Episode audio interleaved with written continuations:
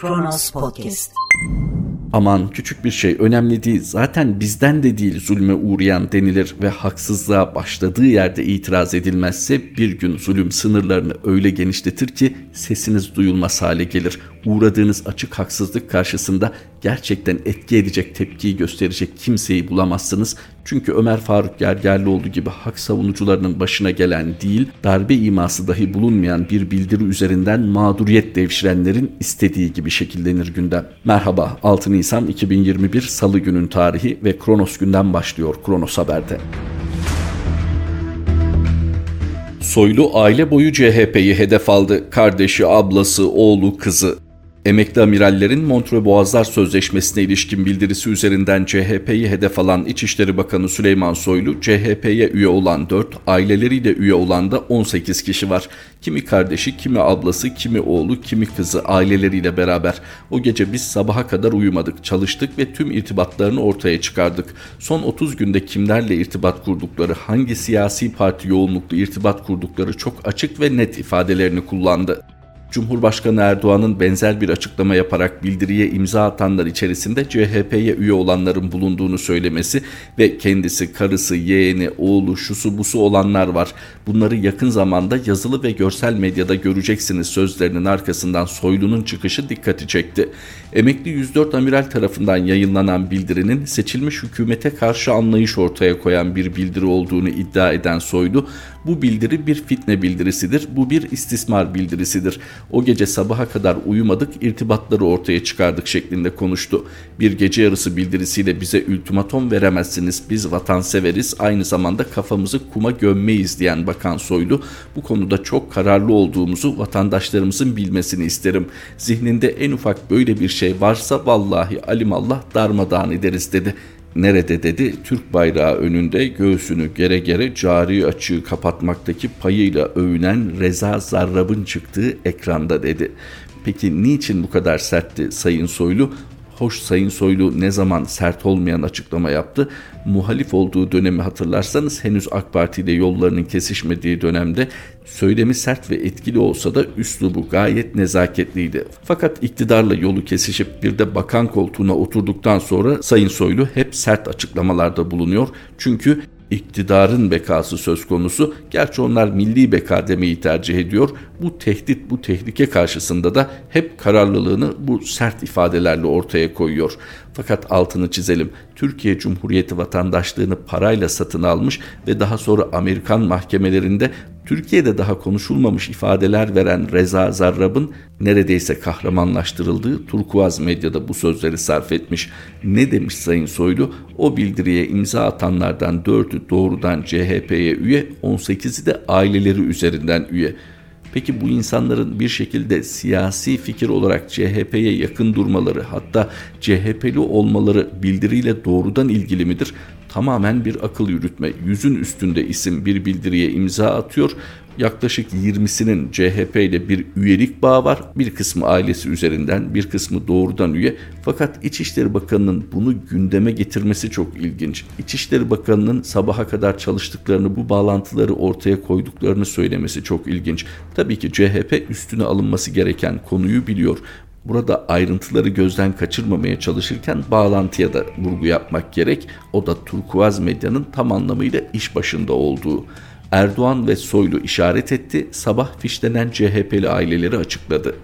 Montreux Sözleşmesi'ne ilişkin bildiriye imza atan emekli amirallerden dördünün Cumhuriyet Halk Partisi üyesi olduğu iddia edildi. Cumhurbaşkanı Recep Tayyip Erdoğan ve İçişleri Bakanı Süleyman Soylu'nun işaret etmesinden sonra iktidar yanlısı Sabah gazetesi bildiriye imza atan emekli amirallerden Kadir Nazif Özdağ deviren, Cemil Şükrü Bozoğlu, Cengiz Alpözü ve Mehmet Tayfun Uraz'ın Cumhuriyet Halk Partisi üyesi olduğunu ileri sürdü.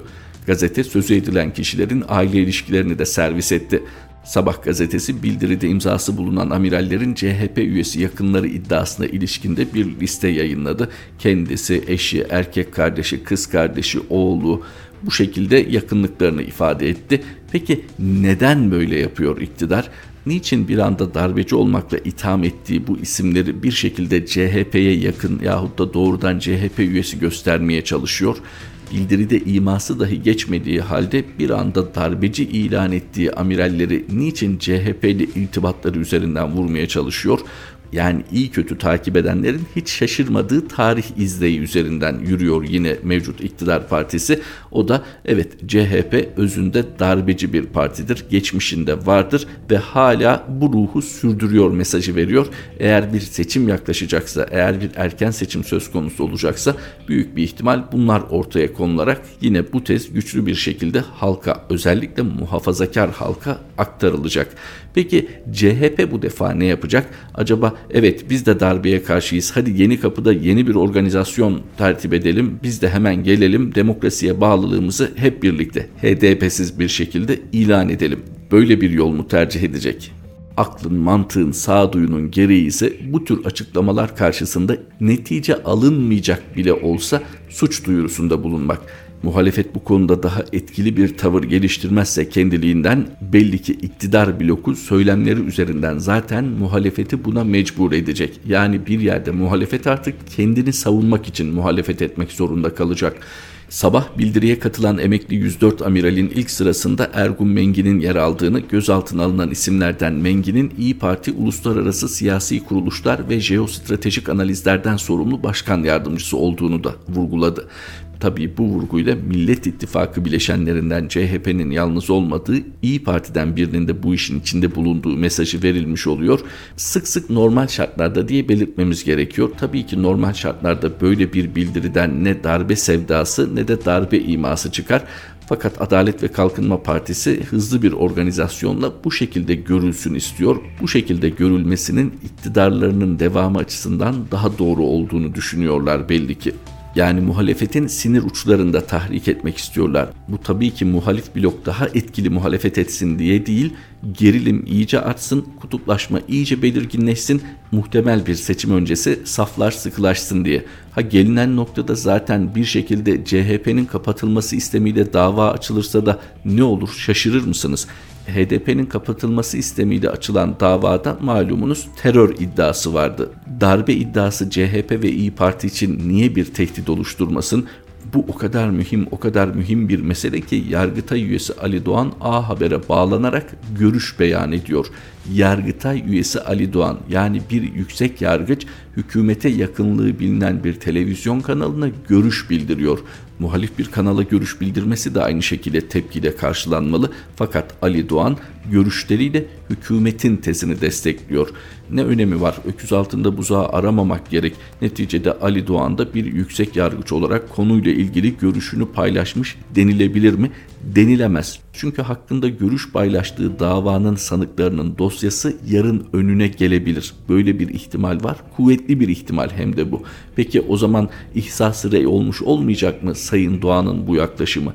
Tabii gelinen bu noktayı yani bir yüksek yargıcın televizyona çıkıp görüş beyan etmesini iktidar partisinin kat ettiği mesafeden bağımsız düşünemeyiz. Yani öyle bir özgürlük getirdik iktidar partisi yargıçlar rahatlıkla görüşlerini paylaşabiliyor. Çünkü son derece profesyoneller işlerini asla karıştırmazlar duygularını her ne kadar hukukta ihsas rey diye bir kavram olsa da. Gözaltındaki Atilla Kezek ne darbesi milletin eline malzeme verildi.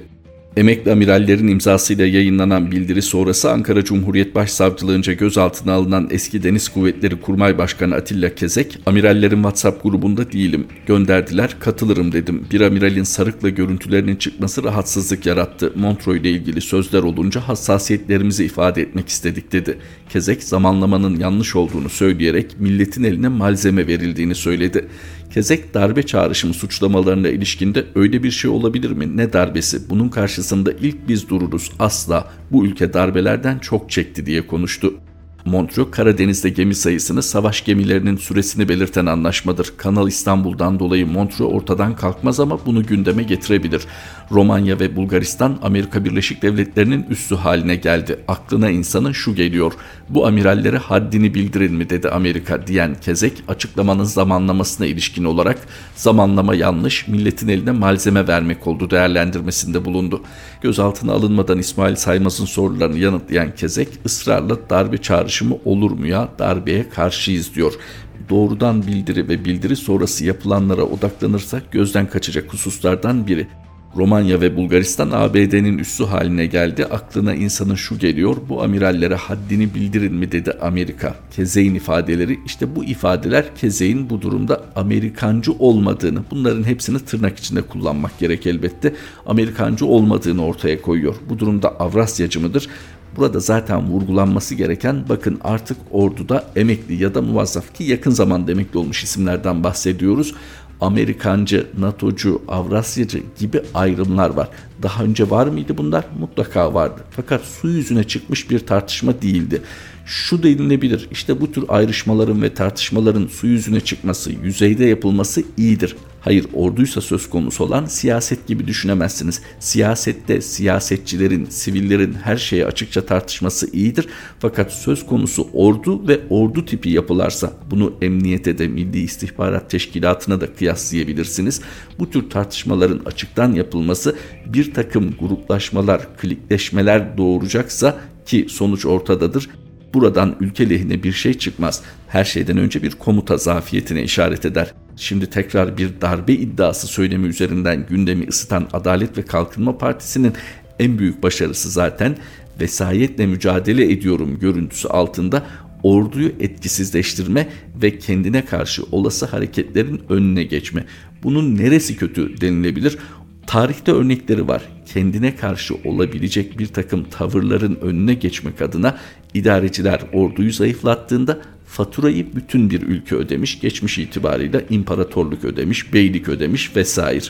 Bugün de ordu böyle bir yaklaşımla zayıflatılırsa kimse kendini kandırmasın. Suriye'nin kuzeyinde Rusya ile ilgili askeri deneyimlerimiz çok ciddi ipuçları veriyor. Henüz ipuçları veriyor onlarca can kaybına rağmen. Daha nasıl bir tehlike potansiyeli taşıyor ayrı. Onun için her ne kadar muhtemel siyasi sonuçları konuşuluyormuş gibi görünse de bu darbe iddialarının ordu ile ilgili çok ciddi bir tehlikeyi de görünür kıldığını belirtmek lazım. Zaten bu tehlike ihtimali gerçekleşeli epey oldu. 2016-15 Temmuz'undan sonra bir ordudan bahsetmeniz mümkün değil. O görüntülerden sonra işkence görüntülerini kastediyorum. O dağılmışlıktan sonra insanların birbirleri aleyhlerine ifadelerinden, söylemlerinden bahsediyorum. Bir ordu disiplininden söz etmek mümkün değil. Nitekim bunun somut yansımaları Milli Savunma Bakanlığı açıklamaları düzenli takip edilirse oraya da yansır. Kalkıp niçin acaba Milli Savunma Bakanı o gün 5 pilotun yaptığını bugün bir pilot yapıyor şeklinde açıklamalarda bulunuyor. Acaba pilotlarımızı övmek için mi? Fevkalade bir itiraf var ortada. Eğer o gün 5 kat personel istihdam etmek israf olarak görülmeyecekse bugün 5'te 1 oranla aynı işin yapılabildiğini nasıl izah edeceksiniz? O gün mü yanlış yapılıyordu, bugün mü yanlış yapılıyor? Bugüne gelirken yapılan yanlışların ülkeye faturası daha ne kadar katlanacak? Gözaltındaki Kezeğin açıklamalarına dönelim. Evet biz düşüncelerimizi paylaştık, hassasiyetimizi ortaya koyduk. Fakat zamanlama yanlış, milletin eline malzeme vermek oldu. Böyle bir ifade kullanıyor. Burada demek ki en hafif ifadeyle bu bildirinin yeterince müzakere edilmediği, üzerinde pek de düşünülmediği sonucunu çıkarmak mümkün.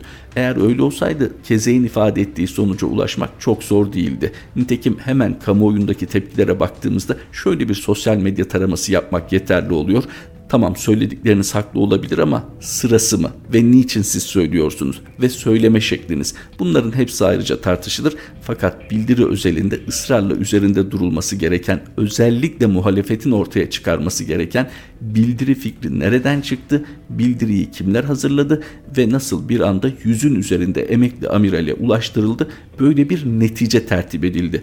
Bu hedeflenmiş miydi? Kezeğin ifadeleri zaten ortaya koyuyor. Biraz düşünülseydi bu neticeyi vereceği görülebilirdi. O halde nasıl şimdi hükümet mensupları çok ilginç bağlantılar, herkesin ulaşabileceği bilgilerden söz ediyoruz. CHP'ye ve belki İyi Parti'ye doğru yaklaşmakta olan bir tehlikeyi ortaya koyuyorlar ya aslında. İş onunla bitmiyor, bitmeyecek. Anadolu Ajansı'nın şu haberine dikkat.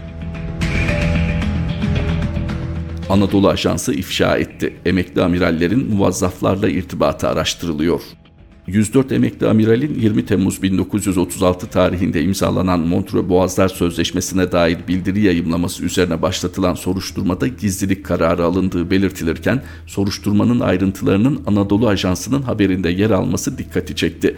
Ankara Cumhuriyet Başsavcılığı Terör Suçları Soruşturma Bürosu'ndan sorumlu Başsavcı Vekili Veysel Kaçmaz tarafından yürütülen soruşturmada gözaltına alınan emekli amirallerin bildirinin hazırlanmasında, bildiride ismi geçen diğer kişilere ulaştırılmasında ve imzalatılmasında rol oynadıkları tespit edildi.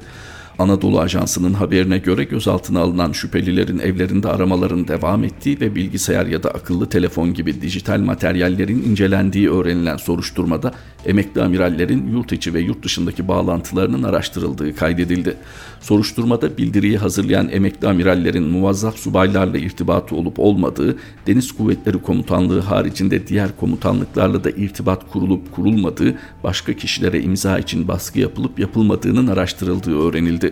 Bildirinin başlığı, kullanılan dil, yayınlanma saati ve kullanılan terimlerin daha önce yayınlanan muhtıralarla benzerlik gösterdiği iddia edildi. Şüphelilerin ifadeleri ve dijital incelemelerin akabinde soruşturmanın derinleştirileceği belirtildi. Özetle soruşturmanın yürütülme şekli akla hemen şu soruyu getiriyor. Muvazzaflara da intikal edecek mi bu soruşturma? Peki bu niçin önemli? Malumunuz Ergenekon Erdoğan işbirliğinin bitip bitmeyeceği ya da ilişkinin nasıl bir seyre evrileceği konusu konuşuluyor. 2021 Ağustos'undaki Yüksek Askeri Şura'da ciddi bir budama yapılacağı artık çok açık konuşuluyor zaten. Bunun da Ergenekon ya da Avrasyacı subayları kapsayacağı iddiaları var. Bin küsur isimden söz ediliyor. Peki bunun olmasının önüne nasıl geçilebilir? Bir kısım yorumlarda şuna rastlamak mümkün. Zaten bu bildiride biraz bu tehlikeye işaret etmek için ya da ön almak içindi.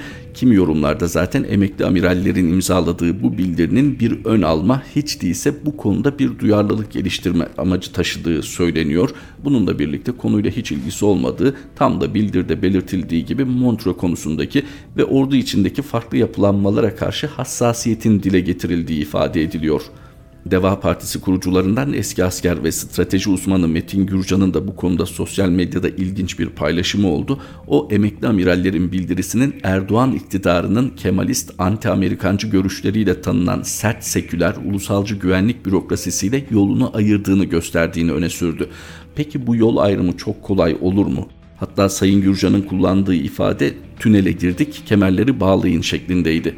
Peki bu bildiri ne anlama geliyor sorusuna cevap ararken şu önemli cümleyi kuruyor Sayın Gürcan. Tam da bu nedenle hem bu bildiri sonrasında açılan soruşturmada gözaltına alınacak muvazzaf general amiral olup olmayacağı ve 2021 Ağustos ayındaki Yüksek Askeri Şura sürecinde terfi ve emekli edilen general amiral listeleri önem kazanıyor. Diğer ihtimal ise iktidarın emekli amirallerle danışıklı bir dövüş içinde bu bildiri sürecini planladığı görüşü. Bu daha düşük olasılık bence diyor Sayın Gürcan. Mevcut Milli Savunma Bakanı'nın 2015-16 Temmuz'undaki Genelkurmay Başkanı Hulusi Akar olduğu düşünülürse, idarede şu an Recep Tayyip Erdoğan'ın bir numara olduğu düşünülürse ve şu ana kadar yürütülen işbirliği göz önüne alınırsa Yüksek Askeri Şura'ya ilişkin bir takım adımlar atılma ihtimali kuvvetleniyor. Burada mesele şu ana kadar çok konuşulan Ergenekon-Erdoğan işbirliğinin nereye evrileceği. Acaba evrilerek başka bir formda devam mı edecek, sona mı erecek? Sona erecekse bunun çok centilmence yaşanmayacağı açık. Peki bu Türkiye'de neye mal olacak? Bunu rejimin adının berraklaşması, netleşmesi olarak da ifade etmek mümkün bunun açık bir iktidar mücadelesine dönüşme ihtimali de göz önüne alınırsa zaten son yıllarda aksini söylemenin hiç mümkün olmadığı şekilde ortalık iyice ısınacak demek zorundayız. Bir tarafta emekli amirallerin imza attığı bildiri üzerinden açık iktidar mücadelesi, diğer tarafta hayata tutunma mücadelesi. Son yıllarda rutine dönen hukuksuzluklarla anne babası hapse atılan Hakan 12 yaşında bir çocuk annesini istiyor çünkü ölümcül bir hastalığın pençesinde ve annesine ihtiyacı var. YouTube kanalı Justice TV'nin yayınına katılan Suavi'nin bu insani çağrısıyla veda ediyoruz. Kronos Haber'de tekrar buluşmak üzere. Hoşçakalın. Ben Hakan'a çözüm olsam yemin ediyorum şimdi uçağa binip Hakan'ın yanında Granza'ya oturup onunla son dakikaya kadar omuz omuza kalmazsam Suavi değilim. Ama Hakan beni talep etmiyor ki annesini istiyor ya. Bir çözüm bulun lütfen. Hakan'ın annesini oraya koy. Başına jandarma mı koyacaksınız? Anneye kelepçe mi takacaksınız? Ayağına elektronik branda mı? Ne yapacaksanız yapın ya. Bu toplumun buna ihtiyacı var. Artık bir takım tansiyonların düşmesi lazım. Canım Hakan, bu tükenmeyi sana söyledim ve içimde bir his tükenmeyeceğini söylüyor. 12 yaşında bir çocuğa direnme kardeşim demek bana utanç veriyor ama diren direnme Hakan. Direnmek yaşamaktır çünkü canım kardeşim.